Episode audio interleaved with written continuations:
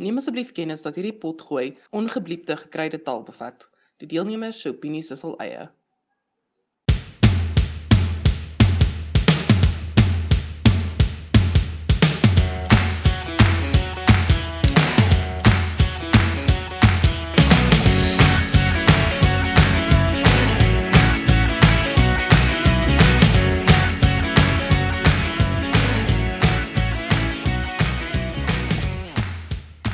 Welkom kwasfluisteraars, moemfmurmureerders en klitverklikkers in die voorkamer van die lesbeer. My naam is Angie en ek sien om na my geestesgesondheid deur 'n fris veldstappie in die oggend en 'n jointjie so 'n bietjie dwaalbos in die aand. Dink myne is baie boring. Um ek is Fia. Ek sien uit om na my geestesgesondheid deur om gereeld te oefen en goed te eet en ek sien ook as sielkundige en ek het die ander dag uitgevind by my dokter oor die medikasie wat ek drink maar toe sê sy o nee ek drink nie 'n hoë genoeg dosis dat dit 'n antidepressant kan wees nie so Ek is Christy en ek uh, sien nie om na my eie geestesgesondheid nie. Nee. En die volgende is my regime. Ek drink saans 30 mg Cipramol. Dis 'n citalopram-pie. Uh soggens drink ek 54 mg Newcon. Ek sien my psigiater, ek sien elke tweede week 'n sielkundige.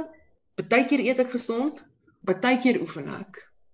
My naam is Candice en op die oomblik sien ek om na my geestesgesondheid deur basies snot uit te spoel uit my sinusse uit met 'n nettipot. En dit werk. Ek het nie geweet mense moet kan asemhaal die hele tyd nie. Dit werk regtig baie. En die luisteraars gaan nou dink dat al wat hulle doen is om net hulle neus uit te spoel. Dan weet jy dit gaan uh, baie ver end. Dit maak baie sin. Ek is bietjie geskok dat jy sulke wonderlike mental health regimes het. Duidelik is myne dalk 'n bietjie noodleer bid man. Angie. Om te stap in die oggend in die skoon lig van die Karoo is wys jy nou net. Wys jy kyk waardeur alles met ons gaan hier in Pretoria. En die internet hier is kak. Nou weet jy wat is my jaarlikse mental health bill? Hierdie huishouding van ons gesamentlik kan elke jaar omtrent 'n huis koop met ons mental health rekeninge. En mens moet in die kar zoom met jou sielkundige. Dit is soos om in 'n bighokkie te wees in 'n katolieke kerk want hier is vol Ja, true story. opvangs. Ek wil dit net vertel voor ons aangaan dat ons internet is regtig baie wisselvallig in die huis. En so nou dag praat ek met my sielkundige en dit vang weer nie op nie en ek is soos ek gaan nou in die kar sit om te praat.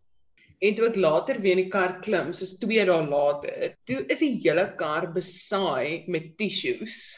Soos wat ek gehuil het en net die tissues so half ingedruk het oral. En dit was 'n sad beeld, maar ek dink ek sou dit kon verkoop as kuns. Nou ja, die luisteraars sou definitief kon hoor uh, wat is op die agenda vandag. Ons praat 'n bietjie oor geestesgesondheid en ons kan dalk net vir die luisteraars noem dit het vir ons baie lank gevat om te kom tot op hierdie punt wat ons eintlik nou besig is om hierdie gesprek te hê. Hier is die derde keer wat die ons derde keer wat ons Wees maar probeer. fokke dankbaar as jy hierdie nou hoor, want ek weet op. Wees dankbaar. wees dankbaar en selfs net vandag het ons nou omtrent 'n uur uitgestel ehm um, voordat ons nou regtig die gesprek begin hê. Ja, ek dink is ook net belangrik om te noem dat nie een van ons opgelei is in die sielkunde of psigiatrie of berading of enige sulke dinge nie. So die goed wat ons vandag sê moet nie opgeneem word as professionele advies nie. Um, ons praat net uit ons eie ondervinding en ons weet ook daar is 'n ganse spektrum van geestestoestande waarby ons nou nie alles vandag gaan uitkom nie. So ons beperk die gesprek tot depressie en tot angs. Ek weet nie man, julle ja, daar's daar's altyd maar 'n groot stigma nog rondom geestesgesondheid gewees. Dit voel vir my in die afgelope tyd het die kollige bietjie meer daarop geval met COVID en al die dinge en mense wat besef daar gaan baie ernstige mental health uh, gevolge ook wees, jy weet aan hierdie pandemie. So nou is dit weer 'n bietjie in die nuus en in die kollig, maar as 'n reël is dit is dit nie en as reël is dit nog steeds een van daai goed wat vreeslik baie gestigmatiseer word en al hierdie goed maar maar kom ons gesels daaroor. Kom ons praat oor geestesgesondheid in die algemeen. Kyk ons weet almal het nou maar hulle kak. Dit is wat dit is. Almal het uh soms tye in hulle lewe wat dit moeiliker gaan. Almal ervaar soms 'n bietjie meer bietjie stres op hulle geestesgesondheid, maar waaroor praat ons as ons verwys na geestesgesondheid en spesifiek na geestesgesondheid sover dit die LGBTQ gemeenskap aangaan? So Angie, gelukkig hou jy jou vrae kort en bondig, nê? Nee. Ehm um, ek het verskeie goed om te sê Angie. Ek wil begin deur te sê dat ja, en ek dink dit is 'n goeie ding. Mense sien dit al hoe meer in in hierdie tipe van COVID tyd dat daar al hoe meer, jy weet, eposse van die werk af en oral oor die psigologiese stres wat die inperking het wat dit het om by die huis te werk, ens ens. Wat ek tog sien en wat ek nie dink is goed nie, is dat dit dit dit spreek tog steeds nie die eintlike probleem aan nie. Right, wat nou het jy al permissie om sleg te voel, maar net in verhouding tot tot COVID. Want die mm. die feit van die saak is almal het hulle kak, maar baie mense het patologiese en genetiese kak. Soos baie van ons is depressief en angstig of wat ook al, jy weet 'n 'n spektrum van van geestesgesondheid kan dit. En die punt juist hoekom ons een van die probleme is dat daar is nie 'n rede nie as ek nou baie baie depressief voel, dan help dit nie jy vra vir my wat's fout nie. Niemand was lelik met my by die skool nie. Dis nie dat ek het opgestaan in 'n bad hair day nie. Daar's 'n chemiese wanbalans in my brein wat nie reg werk nie. So ek dink aan die aan die een kant is daar is daar dit mense wat half net soos wat party mense gebore is met swak oë, soos wat party mense gebore is met tipe 1 diabetes, dit dit is net dis 'n siekte wat jy het en dit gaan altyd daar wees.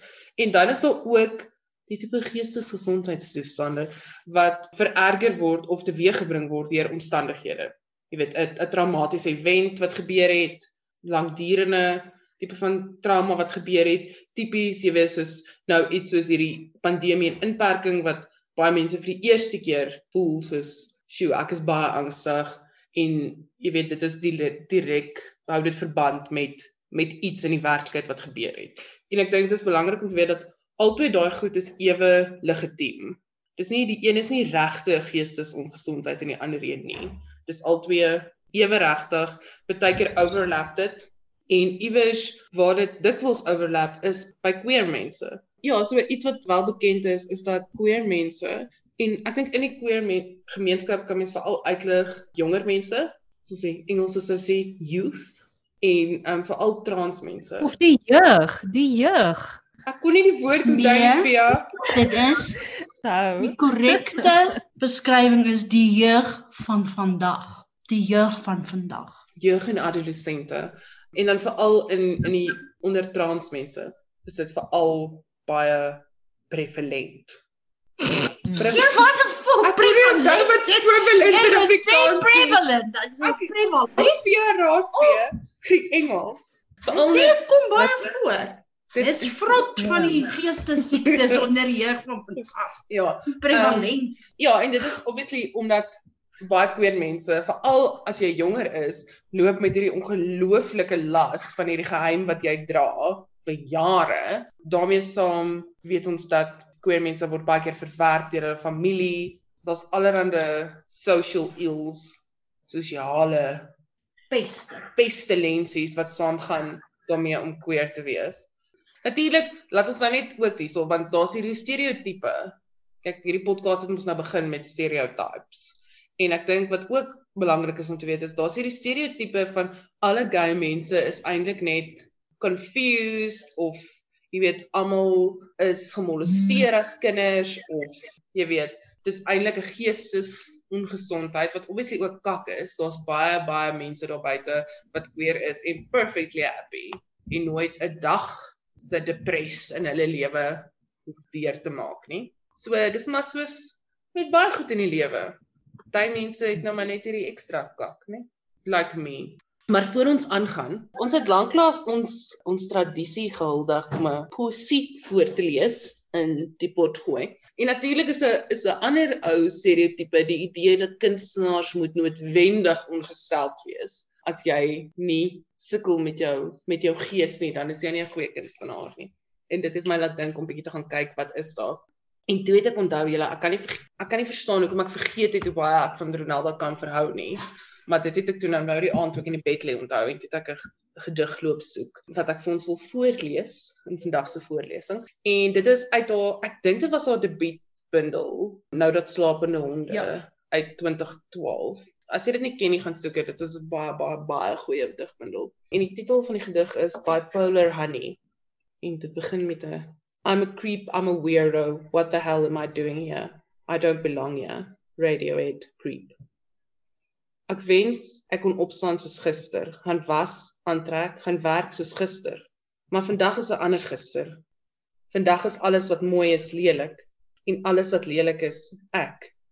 Miskien is môre beter as ek net deur die gevaar van vandag kan kom. Nou ja, tot sover lees ons. Amen. Amen. Wat ek hou van hierdie hierdie gedig is dat dit baie kort en kragtig vasvat die idee van hoe dit voel om om depressief te wees, om net een dag is alles nog mooi en die volgende dag dan's alles kak en lelik en net is is mm. fok gaan ek uit hierdie bed uit opkom vandag. And then sometimes you don't even.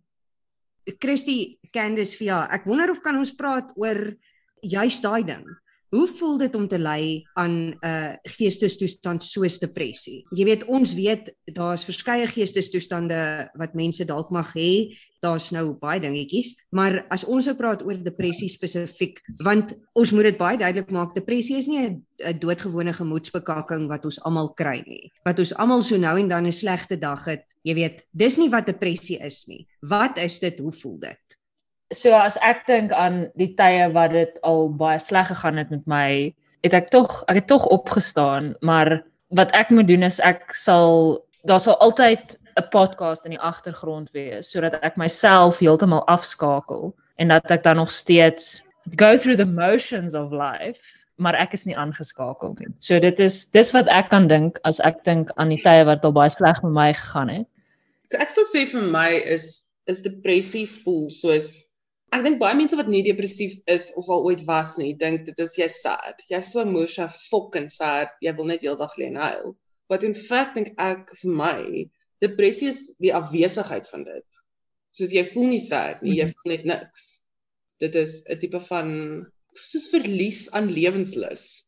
Jy weet, jy voel net iemand kan nou 'n fucking lorry met 'n miljoen rand in kontant hier intrek in my parking en ek gaan nog steeds nie opgewonde wees nie ek dink dit saam met my wat baie keer depressie is, is dis 'n gebrek aan aan die vermoë om 'n toekoms te kan verbeel. Dit voel asof die toekoms en nou is maar net dieselfde en weet jy jy kan nie 'n toekoms verbeel waar dit beter gaan wees noodwendig nie. Dis obviously moet ek sê ek, ek beskryf nou die die heel ergste vorm van depressie. Daar is obviously ook dat soos soos ek is 'n persoon wat depressief raak by tye baie depressief selfs. Maar at best leef ek maar my lewe baie distemies wat is dat ek sê ligtelik depressief meeste van die tyd. En wat obviously beteken ek kan nie uit die bed uitkom nie. Dit is maar net soos overall leef ek my lewe asof 'n bietjie gemaffel. Candice? Dis 'n baie goeie beskrywing. Mm. Probeer nou dink want ek ervaar nie eintlik ooit in die long run soos depressie nie ek het al depressiewe episodes gehad wat dit baie intens, maar dis meer angs. Maar ek dink eintlik Fia en Christie het julle baie goeie beskrywings gegee vir dit. Want my persoonlike teorie is dat ek glo alles is daar's 'n verhouding tussen die organisme en die omgewing binne en buite daai organisme. En ek dink enigiets wat daai verhoudings versteur of kompliseer is wanneer ons sê daar is iets fout, daar's 'n siekte of so aan. En ek dink baie van die geestes sogenaamde geestes siektes of toestande is baie keer adaptations wat te ver gaan. So ek persoonlik glo depressie het dis nasty, maar ek dink dit het 'n weird funksie in jou siege dat dit ek voel dit soos 'n bolplant. Soos bolplante blom nie heeltyd nie dit het adapt om verskriklike rowwe toestande te oorleef. Maar om dit te kan oorleef, moet jy jy gooi alles af. Elke blaartjie, blommetjie, stingeltjie en jy leef ondergrond tot daar weer genoeg son en reën en swaan is. En ek beskou depressie as so 'n tipe meganisme maar waar dit 'n groot probleem word, waar dit soos 'n verstoring word of 'n iets wat jy nie alleen gaan net regkry nie, is as jy die heeltyd fucking bol plant, maar daar is om jou, jy weet, son en genoeg water en maar iets nie ander bolle nie reg nie. Ja, ja, en om jou kom al die Hmm. ander bolle op. En jy's net soos ja, jy's smothered ondergrond.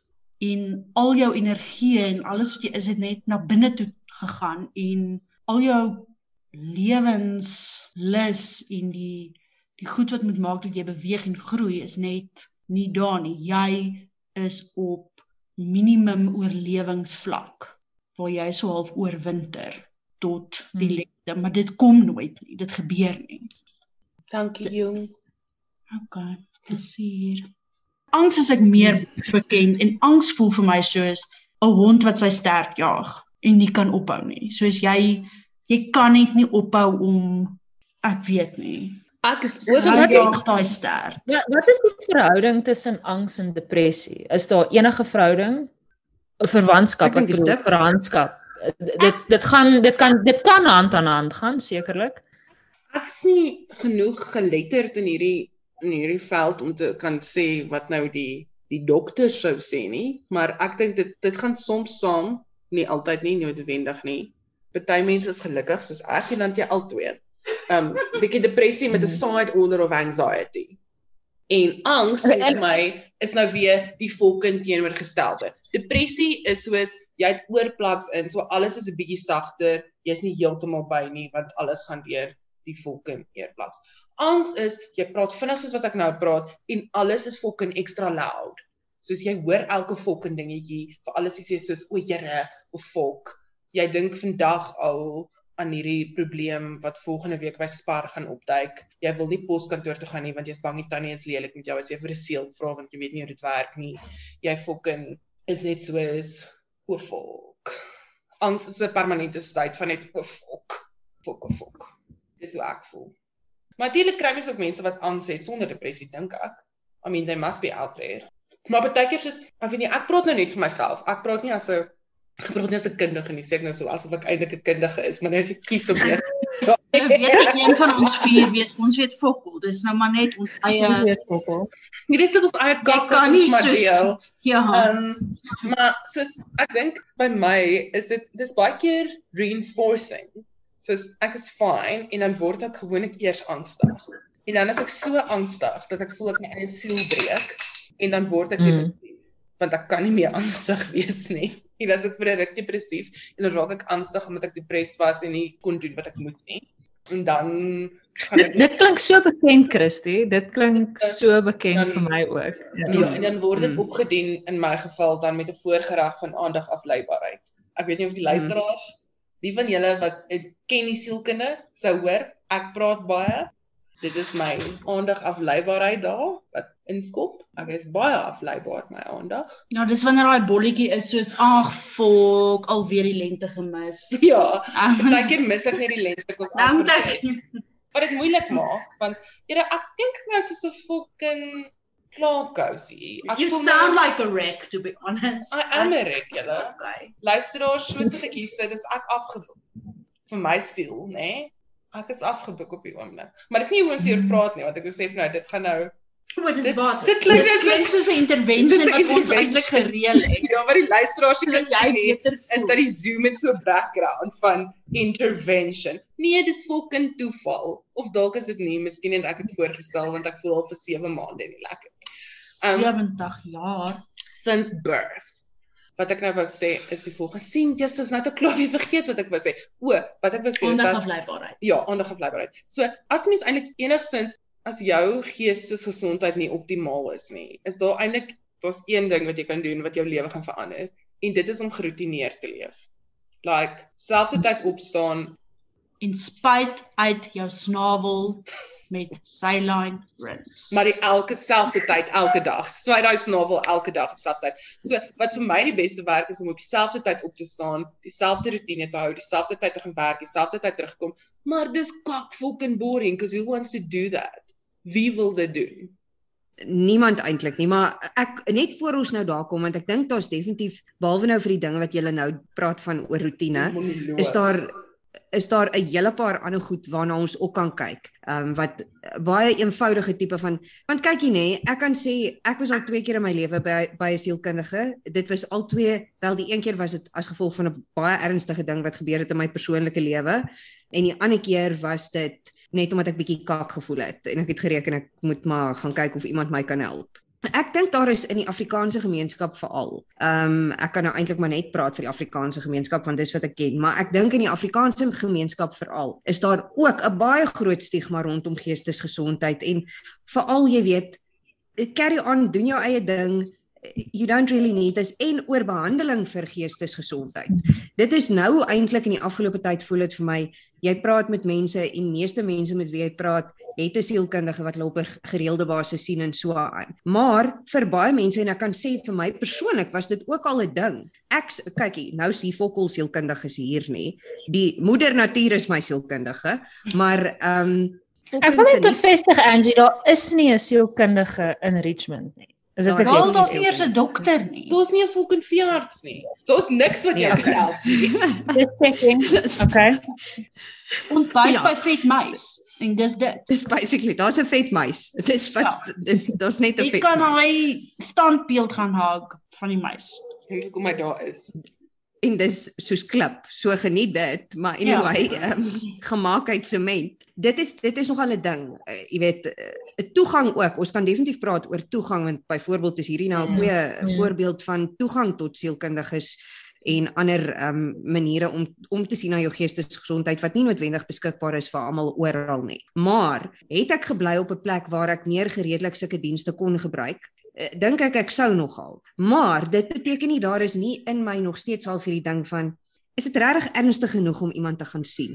Does it warrant a visit to a psychologist? Mm. Of is daar net moet ek dalk nie maar probeer om net hierdie rotines te vestig en beter te eet en meer oefening te doen en meer te gaan stap en al daai dinge myself regterik basically nie. Mm, mm. Dit is 'n groot probleem in die Afrikaanse gemeenskap dink ek want dit het te doen met en ek dink ook veral onder Afrikaanse vroue want dit het te doen met daai ding van jy moet eintlik net 'n voorslag wees. Jy's ja, veronderstel ja, om 'n voorslag ja. te wees. Jy's veronderstel om hierdie te kan handle. Dis ja, dis 'n ja. geweldige kwessie. Ja, ja.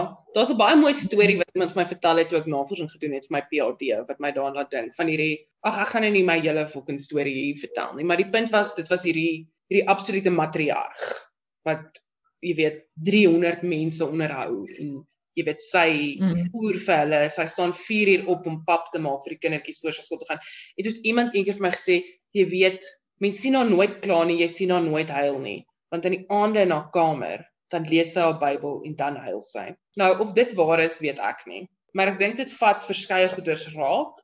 Hierdie idee dat jy weet wit Afrikaanse vrouens is net hierdie vir kind trek uit jou skoene, ons fok nou oor die drakensberge en jy weet die Here behoed vir jou as jy sê daar's dorings. Jy Ja, die Afrikaner vroue soos nee, jy En saam met dit dink ek iets anders. Nou ruk jouself reg. Wat dalk nou 'n bietjie weggaan, maar ek dink die idee van geloof is baie baie belangrik want vir baie mense wat baie gelowig is, is om te sê ek is depressief, ek is angstig, ek is wat ook al, ek is nie okay nie, is om te sê ek twyfel aan my geloof of jy weet ek bevraagteken hierdie lewenspad of jy weet eintlik moet ek net met my dominee of my pastoor gaan praat of bid. bid as jy net hard genoeg soos Job gaan sit gaan ja, sit weet, soos Job op 'n fucking heuwel alle slegte goed is oor jou pad gestuur om vir jou 'n sterker mens te maak aan die ander kant. Dan nee fok baie keer is dit net kak. En baie keer gaan jy nie hmm. sterker aan die ander kant uitkom nie. Baie keer gaan jy maar bietjie gefok aan die ander kant uitkom. En ek hmm. dink Angie om aan te sluit by wat jy gesê het van dat jy weet mense voel nog steeds half tog like shit, is dit nou warranted? Jy weet, moet as ek nie nou maar net 'n bietjie ly nie. Soos wil ek nie eintlik nou maar net nie harder werk nie, nou maak ek of ek hierdie ding het of jy weet, is hierdie ernstig genoeg? Moet ek nie maar net bietjie minder chocolates eet nie? Ek dink saam met daai met daai ding is daar 'n verskriklike stigma rondom medikasie om medikasie te drink. Want in my hele lewe het ek nog nooit iemand gehoor wat vir my sê, weet jy, ek het mos nou diabetes, maar ek weier om insulien te gebruik ek gaan myself nou maar net regruk. Ek, jy weet, insulien is nie vir my nie. Maar dit voel vir my 9 uit 10 mense met wie ek praat is soos ja, ek is nou baie depressief of ek is angstig of ek's dit of ek is dat, maar ek het besluit om nie medikasie te gebruik nie. Want dis nie vir my nie. Nou okay, that is your choice. Jy weet, as jy nie medikasie gebruik nie, as jy dit met 'n uh, kundige bespreek het en besluit dit is nie vir jou nie, dan jy weet, God bless jou en jou op jou pad. Maar ek dink baie mense het net hierdie idee van dis nou 'n dwelm wat jou brein gaan alter. Ja, want jou fucking brein kort altering. Want daar's nie genoeg fucking serotonine ja. nie. Dit jou brein moet gealter word want jy het nie genoeg fucking serotonine nie. Dis hoe mense kak voel. So dis nie noodwendig om om van medikasie te sê ek wil niks in my liggaam verander nie. Fucking gaan teen die very nature van medikasie. Nee, ek het my arm gebreek, maar ek wil nie gips hê nie. Ek glo die natuur moet hom my heel. En fucking loop jy vir die res van jou lewe nou hier armpie.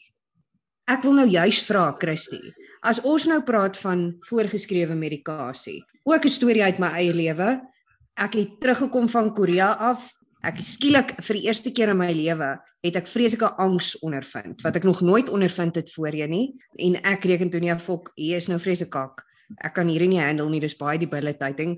Ek gaan na ons huisdokter toe gaan en met hom gaan praat en by hom gaan hoor. Intussen het ek toe nou al klaar toe ek nog in Korea was, het ek 'n 10 dae silent vipassana meditation retreat geboek wat sou gebeur sê nou maar oor 2 weke van daai tyd af. Maar ek bereken toe nie ek voel nie lekker nie, ek moet die dokter gaan sien. Ek gaan sien toe die huisdokter. Ek sê toe vir hom dokter, ek voel angstig. Hierdie is iets wat ek glad nie ken nie. Ek is nie geneig tot angs nie, maar nou voel dit vir my ek kan niks doen nie. Hy skryf toe vir my dadelik iets voor. Ek kan nie onthou wat dit was nie. Ek het net gesê ek voel angstig. Hy het, hy het niks vir my verder gevra nie. Ek het net gesê ja. ek voel angstig. Ja. En hy skryf toe vir my iets voor wat 'n ernstige, ek weet dit is 'n ja. serieus ding. Ek kan ja. nie onthou wat dit was nie, maar dit was dit was 'n ding wat ek Alsam. ek het gedink dit was dink ek dit. Ek dink dit was dit. Ehm um, kan nou nie onthou hoeveel milligram of wat ook al nie. Maar goed, ek besluit toe wag, ek gaan dit nie nou drinkie, want ek dink toe hy het nie eers mooi na my geluister nie en hy is 'n huisdokter, hy is nie 'n sielkundige nie.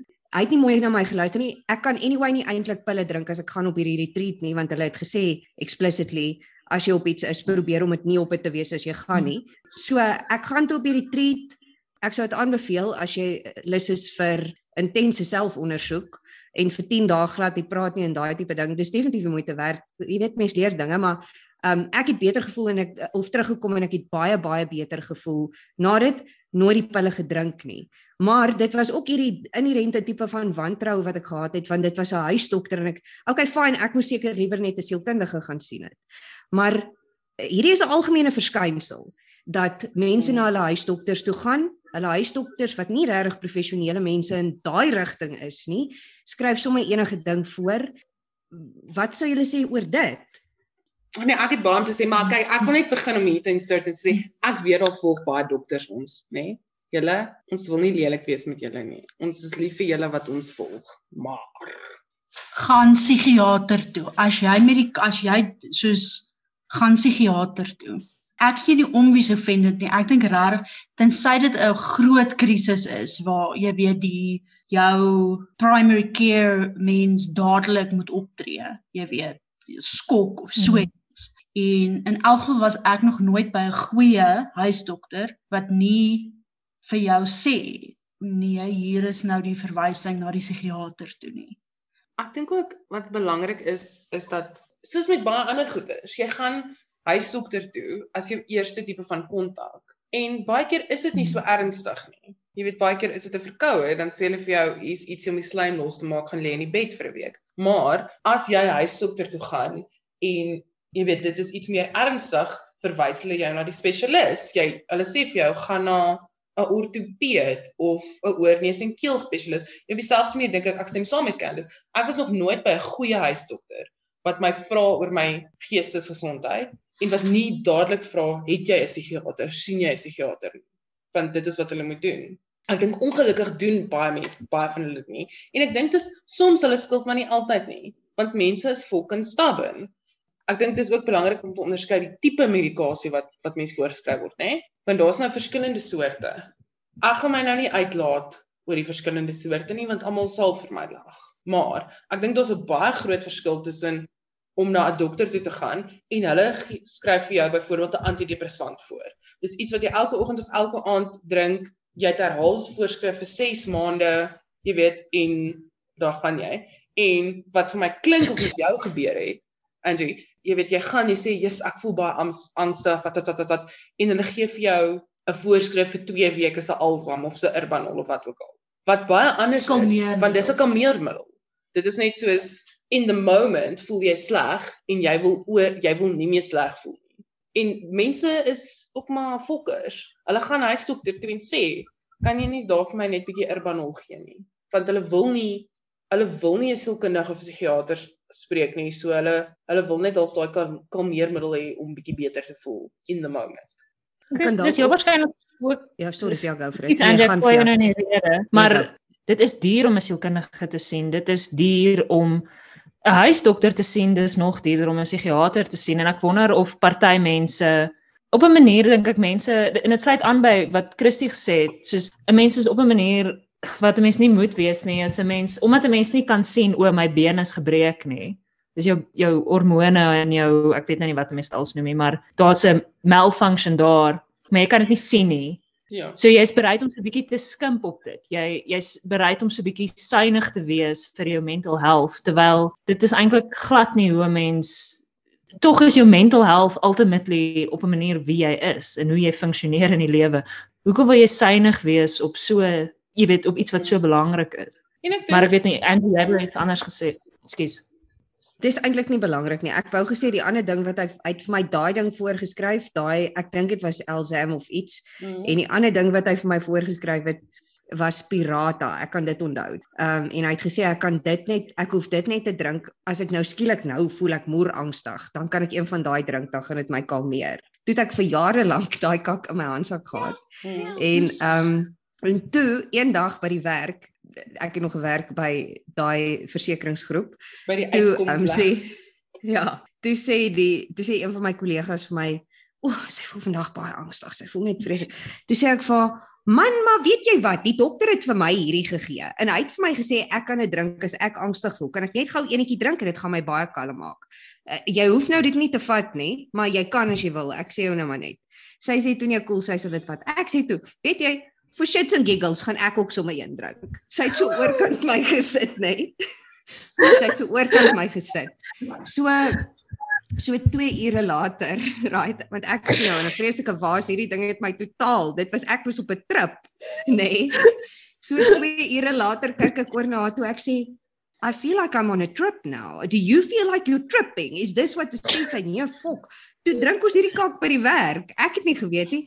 Anyway, dis 'n ding wat hy gesê het ek kan ja. drink want jy weet Ja. dit sal vinnig sommer Ja. hoe dit En- sit jou op 'n En trip. dit is en dit is by met ek ek wil ek wil soort van hê dat ons af moet step van medikasie af want vir baie mense, jy weet, dit is maar net een Kan ek daarvan. weer net sê gaan sien 'n psigiater.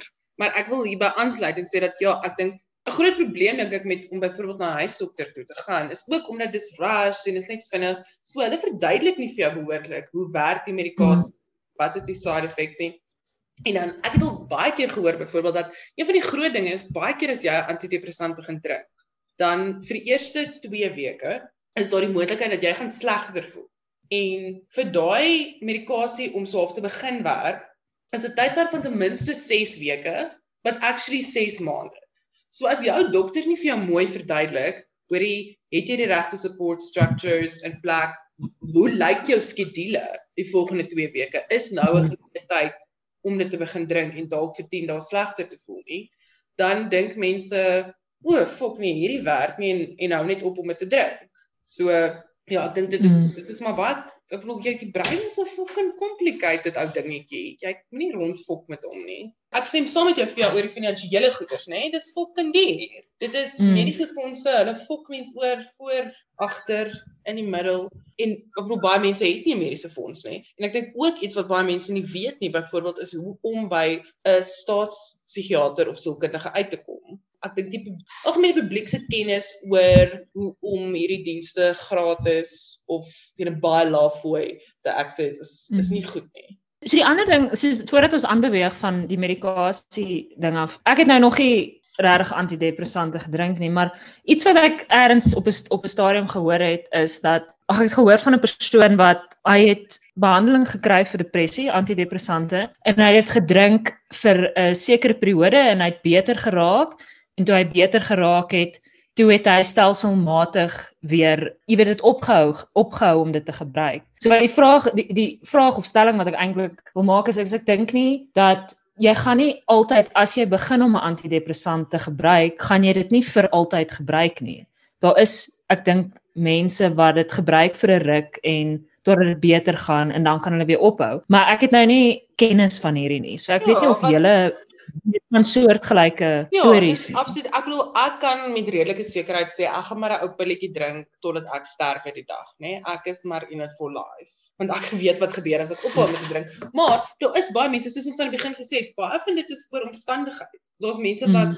'n mm. partner verloor of 'n kind of 'n ouer of iemand wat 'n PhD doen en dan is die psigologiese stres in daai periode van tyd so erg dat jy het net daai hulp nodig. Maar mm. jy weet jy is iemand wat byvoorbeeld as jy klaar is met die Satan van 'n PhD en jy het al 'n meer stabiele lewe, jy weet jy dan dit kan ophou doen of jy weet wat net half daai dit 'n rukkie lank nodig het soos met baie ander gesondheidsgoed. Maar onthou jou psigiater ja. sal vir jou sê. Die psigiater sal vir jou sê jy kan nie self maar jy moving on waaroor ek ook wil praat want ek voel ons het eintlik nou aan die verkeerde kant begin hè van wat ons wil sê want dis of mens hmm. moet dit out of the way kry. Mental illness is regtig en jy kan jouself nie net regryk nie en baie keer moet jy medikasie drink. Maar die flip side van dit is ook waar. Jy kan nie net altyd medikasie drink nie want baie keer het goed met jou gebeur wat regtig sleg is en jy moet dit verwerk. So dit help nie jy drink net 'n pilletjie om by die werk op 'n trip te gaan nie. En dit is baie keer die geval met queer mense. Soos ek bedoel as jy byvoorbeeld, jy weet jonk is en jou familie verwerp jou. Jy kan nie net 'n pilletjie drink vir dit nie. Dit is dis 'n regte issue wat jy moet deurwerk met verkieslike sielkundige. Maar dit is nou ook wat ek nou wil hoor Christie. Ons het nou gepraat, jy weet, party mense gaan miskien afhangend van wat die professionele persoon wat jy sien, wat die sielkundige is of die psigiater sal vir jou aanbeveel, jy weet, hoe lyk die dinge vir jou? Is hierdie 'n korttermyn ding dat jy 'n pilletjie gaan drink? Is dit 'n langtermyn ding of wat ook al? Maar daar, hoe dit ook al sê, is daar soos jy nou noem, definitiewe tipe van leefstylverskille wat 'n mens kan maak wat ook al klaar baie ver gaan om dinge net 'n klein bietjie meer manageable vir jou te maak. Kom ons praat bietjie oor daai tipe goed wat jy ook kan doen. Ja. Kyk, dit is nou die boring deel om te praat want almal weet wat ons moet doen. Ons moet gesond eet, ons moet oefening doen moenie rook nie, moenie ja, onthou as jy alles gelyk wil doen dan raak dit overwhelming. So doen ja. een klein ding. Soos ek gaan ek gaan nie haar naam noem nie, maar sy is 'n luisteraar. So shout out girl. Ons het 'n vriendin wat baie sukkel met angs. Wat byvoorbeeld gesê het en sy was 'n verskriklike groot koffieliefhebber, maar wat gesê het sy gaan ophou koffie drink vir 'n rukkie. En dit het toe so hmm. groot verskil gemaak aan haar angsvlakke dat sy nou al vir ek dink 'n jaar of 2 glad nie kafeïne drink nie dit het al so goed gedoen dat sy was soos okay, sy gaan nou permanent. So ja, ek dink behalwe vir die gewone goeders, wat ek altyd my maatstaf in die lewe nê, vir vir die goeders is, kan jy jou bed opmaak.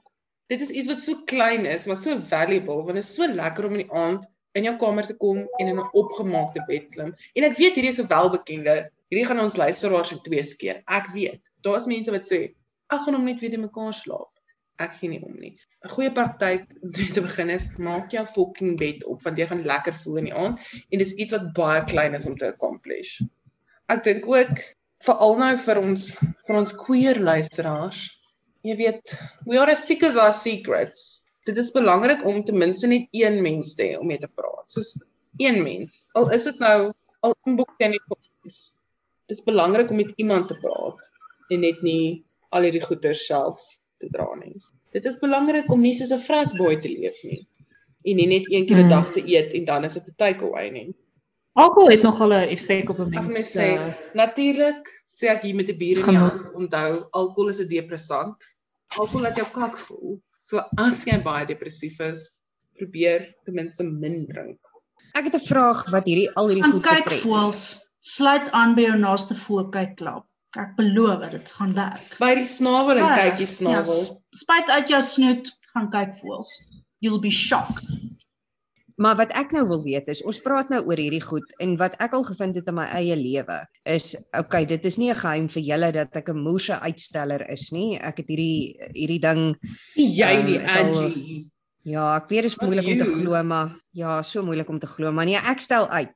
En dit is dis presies daai ding wat Candice nou genoem het. Baie keer weet 'n mens, okay, al hierdie klein ou goedjies, dit gaan 'n verskil maak. Dit gaan 'n verskil maak. Maar om jouself net te kry tot op daai punt om dit te doen, as jy reeds in 'n depressiewe toestand is, is die moeilikste ding in die wêreld, Ja. want jy het nie die krag om die skorrelgoed wat ophoop te was Ja. nie, wat jou irriteer en jy loop En- elke keer daar verby en dit irriteer jou omdat jy het nie die krag om hierdie basic dinge om seker te maak jy eet ordentlik. Hoe die- doen mens dit? Ja.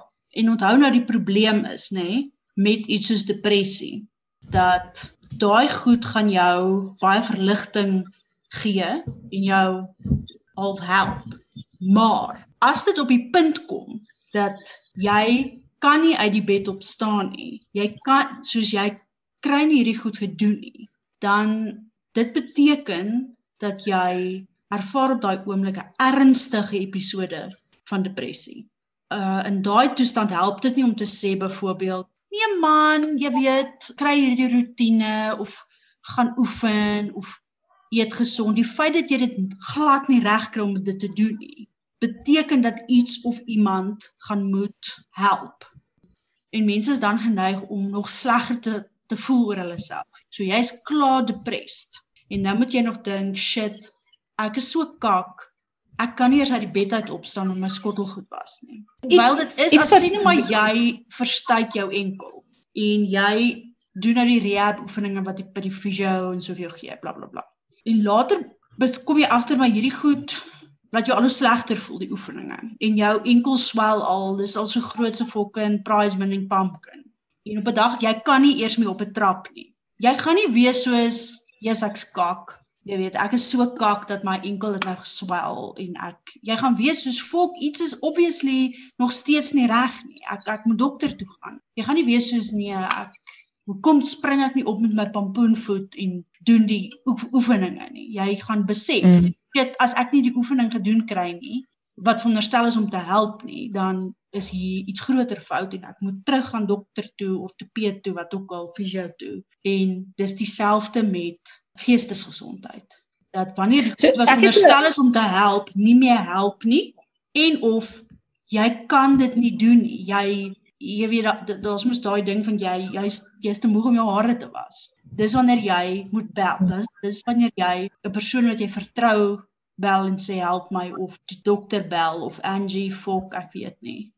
Ek het 'n ander vraag oor wat link aan wat jy nou gesê het, soos 'n mens moet vir hulp vra en en ek wil weet hoe hoe ondersteun 'n mens 'n partner wat sukkel met geestesgesondheid? Want dit is 'n situasies waarin ek al myself vind het en ja, ek dink dit is nie is nie regtig maklik nie. Okay, maar dis 10 episodes dink ek. Dit is 'n biography you're asking. Ja. Okay, ek dink daar's eintlik net twee basic goed. Een, probeer soveel as moontlik verstaan van wat ook al aangaan. Hoe werk die medikasie wat die persoon drink? Wat is die probleem? Jy weet, is dit praat jy van jy ondersteun iemand wat depressief is? Hierdie is die persoon psigoties, sien hulle goed, hallusineer hulle, jy weet, jy moet weet wat aangaan. En twee, dink ek jy moet na jou eie geestesgesondheid omsien.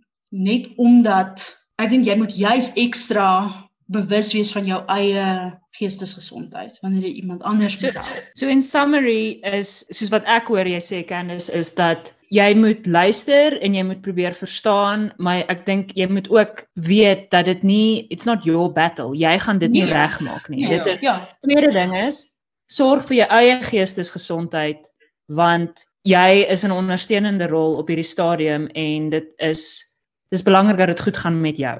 Of nou nie goed gaan nie, maar ja. dat jy Ja. dat jy ondersteuning het om te kan ondersteun. Ek het ook- manier. Ek het Ja. ook goeders. My eerste een is baie soos ek dink vir jou jy het dit baie mooi nou gesê, is mens moet verstaan jy kan nie die persoon help nie.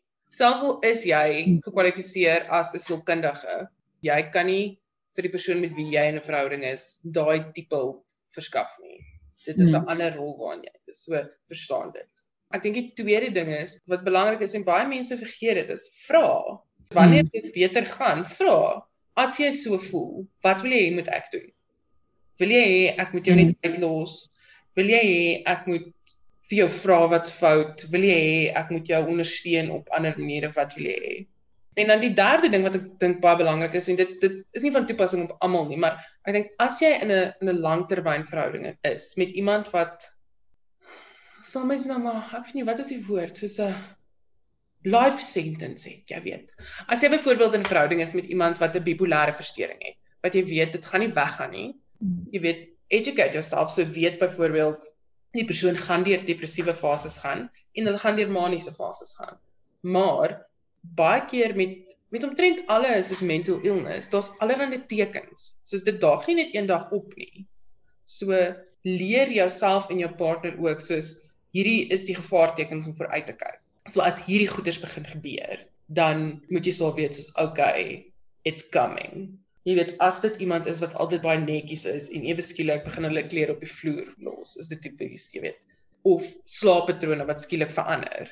Soos wees bewus daarvan hmm. sodat jy jy weet en net dan as die persoon gesond is of beter is, soos reeds planne in plek, soos jy weet, as jy manies is, dan is hierdie die plan as jy depressief is, is hierdie die plan.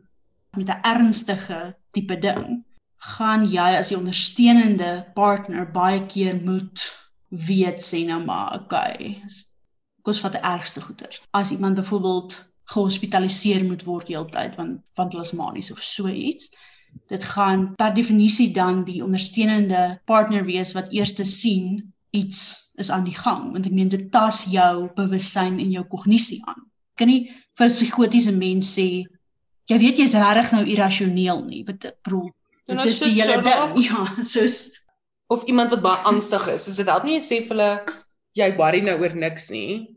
Ja. Ja, dit is die hele probleem. Ja, vir 'n depressed mens. Jy weet as jy bietjie uit die bed uit opstaan sal jy beter voel. Mm. Ja, die hele probleem is ek kry nie opgestaan uit die bed uit nie. Maar ek dink ook terselfdertyd dit gesê, ja, skus ek wil net sê, is dit ook, mm. want dit is regtig belangrik vir ons en as 'n as humanity op hierdie storm ons is, dink ek 'n groot probleem wat ons het, is ons is so ongemaklik daarmee om ongemaklik te wees. En ek dink ons moet regtig ook aanvaar. Partykeer moet mense depressief wees. Dit dit vervul 'n funksie. As iemand deur ja. iets gaan, moenie die hele tyd wees soos hier's vir jou 'n roomhuis. Partykeer ja, moet mense rou oor iets of moet hulle regtig mm. intense pyn voel en dis oukei. Okay. Ek dink die ding is om dit te monitor en te weet wanneer word dit ongesond. Obviously as mm. iemand nou vir 2 weke nie uit die bed uit kan kom nie, jy weet dan moet jy ja. nou maar versterkings op inroep, maar ja. as iemand vir een dag is soos ek voel regtig vandag sleg en ek het nodig om ek het nodig om sleg te voel. Ek moet hierdie pyn voel. Dis oukei. Okay.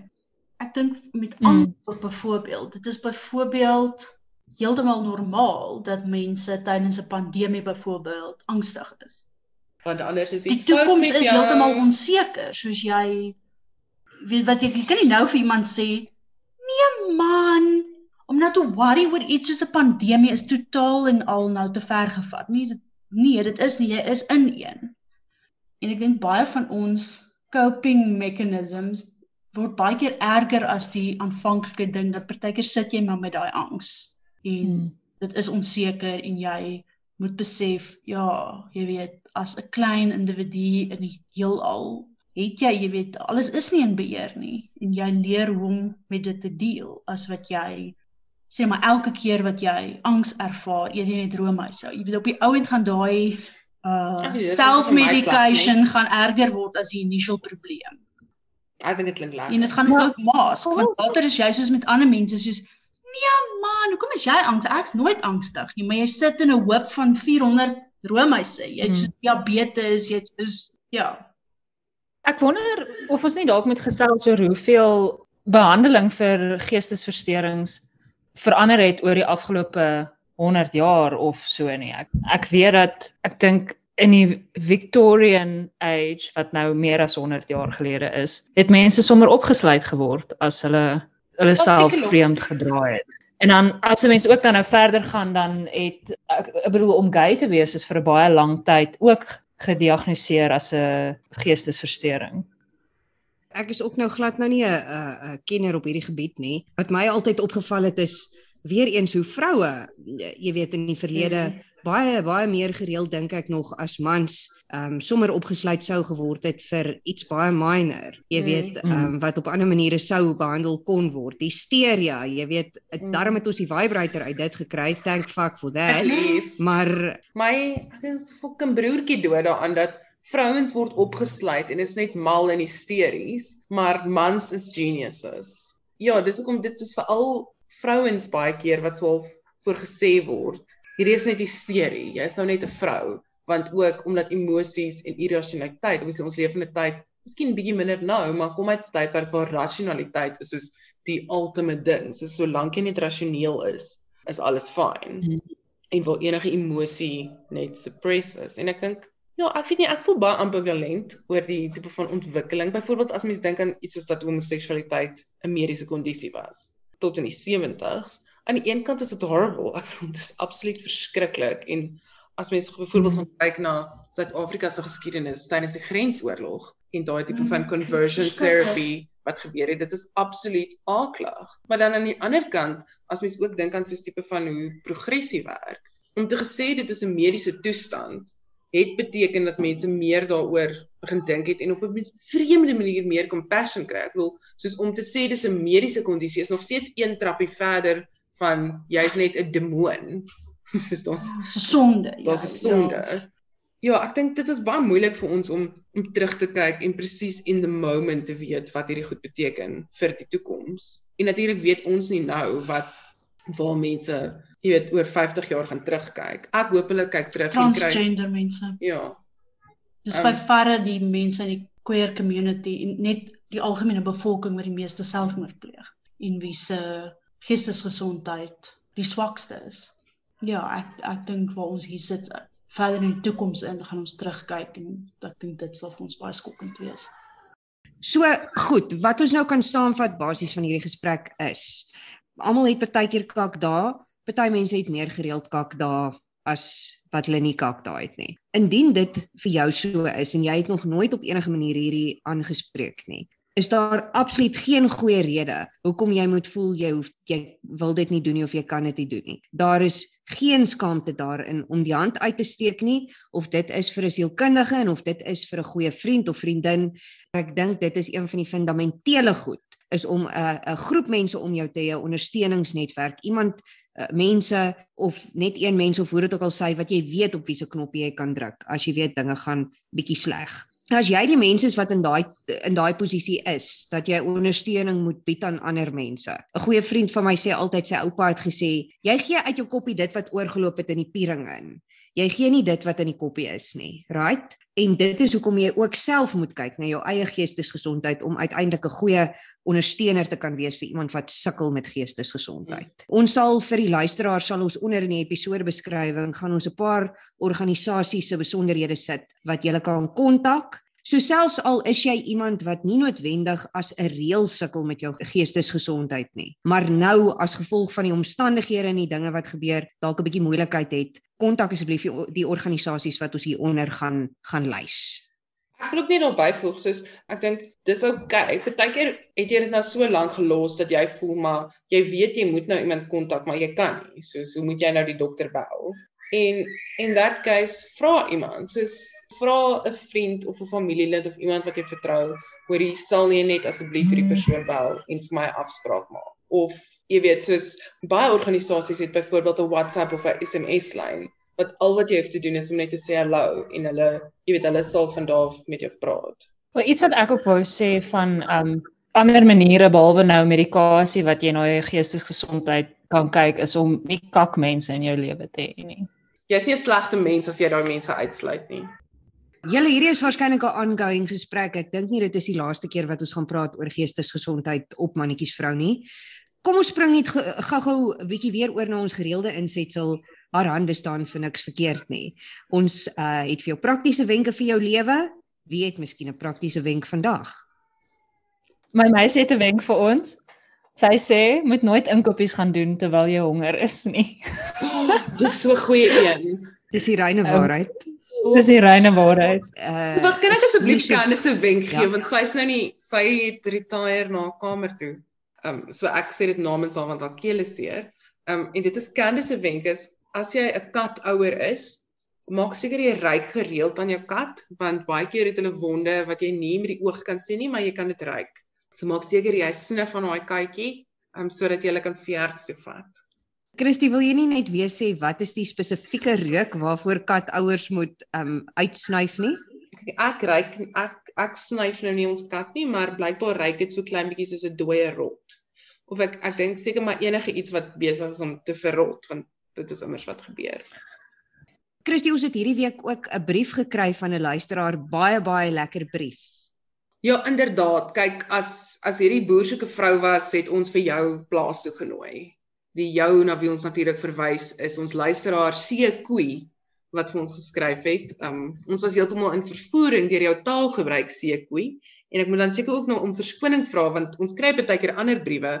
Ons lees dit nou net nie altyd uit nie, maar ons het gevoel ons moet dit tog meer begin doen en Koei se pittige taal gebruik het ons daartoe gedryf. En wat ek spesifiek hier vir vir die ander luisteraars wil uitlig is dat Seekoei het vir ons geskryf met haar eie haar eie wenk oor gremering. Natuurlik in ons vorige episode het Hetero Hanelie gremeer wenke gedeel. En um, ek deel graag met julle die volgende wenk wat Seekoei met ons gedeel het. En uh Seekoei sê ek deel graag hierdie robuuste manier om van 'n ongewenste kinderbakhare ontslae te raak. In my prille jeug moes ek as gevolg van langdurige ongediagnoseerde tipe 1 diabetes sneeuvlok katarakke laat verwyder. Ek het gevind dat die ingeplante lense met hulle vaste fokuslentes dit moeilik maak om met 'n gewone haarpluk tangetjie um, te mik na my welige mandibulêre ruigtes en het die ingewing om 'n skanier daarvoor te gebruik. Nou ja, Seko het ook vir ons 'n fotootjie gestuur van 'n skanier en um, ek self kan nou glad nie 'n tweezer optel sonder om te dink aan 'n skanier nie. Um maar ek dink dit is 'n lekker wenk. So as jy iewers 'n as jy 'n deur afhaal en jy het 'n spier skanier daar gebruik vir hom vir daai plek is ons natuurlik ook hierdie wenk vir Hetero Hanelie aanstuur. Um want ek dink jy weet duidelik het sy 'n probleem gehad met met hare. So miskien kan dit haar hare help. Soos altyd topklas wenke uit die voorkamer as jy voel jy het nodig om die hand uit te strek, jy wil ietsie sê oor hierdie as jy miskien 'n sielkundige is wat horrified is terwyl jy luister na hierdie en dink my sielkundige is en my terminale pasiënt. Stuur asseblief vir ons ook asseblief wenke as jy sielkundige is, ons sal dit op die op die sosiale media sit. Waar kan hulle vir ons 'n briefie stuur Christy uh uitreik as hulle wil? Jy kan vir ons 'n briefie skryf. Jy kan ons e-pos by mannetjiesvrou@gmail.com. Um of jy kan vir ons 'n Facebook boodskap stuur op by mannetjiesvrou. Jy kan ons op Instagram kry by mannetjiesvrou, op Twitter by mannetjiesvrou. Ja, so dit is waar ons beskikbaar is. Jy kan ook na ons huise toe kom. Angie is by om presies na daardie adres. Ek wil sommer net ek wil sê ons ek weet ons gaan dit in die um episode beskrywings um ook insit. Maar as jy nie so ver wil lees nie en jy voel regtig jy het die behoefte om met iets of iemand te praat of interact, die South African uh Depression and Anxiety Group. Hulle webwerf adres is sadag.org. Dis S A D A G, so sadag.org. En daar's allerlei um hulpbronne en goeders. Hulle het byvoorbeeld elke Vrydag um op Facebook 'n live chat waar jy vra kan vra vir sielkundiges, hulle het hulplyne Hulle het anderhande event support groups wat wat ontmoet. So ja, as jy voel jy het nie die hulpbronne self, die finansiële of ander hulpbronne nie, um, is dit 'n goeie opsie om te gaan kyk. Dankie liewe luisteraar dat jy ingeskakel het vir hierdie baie baie donker episode van Mannetjies vrou. Onthou Oos Wes Lesbes. Jy was Mannetjies vrou waar jy jou les leer. Goodbye.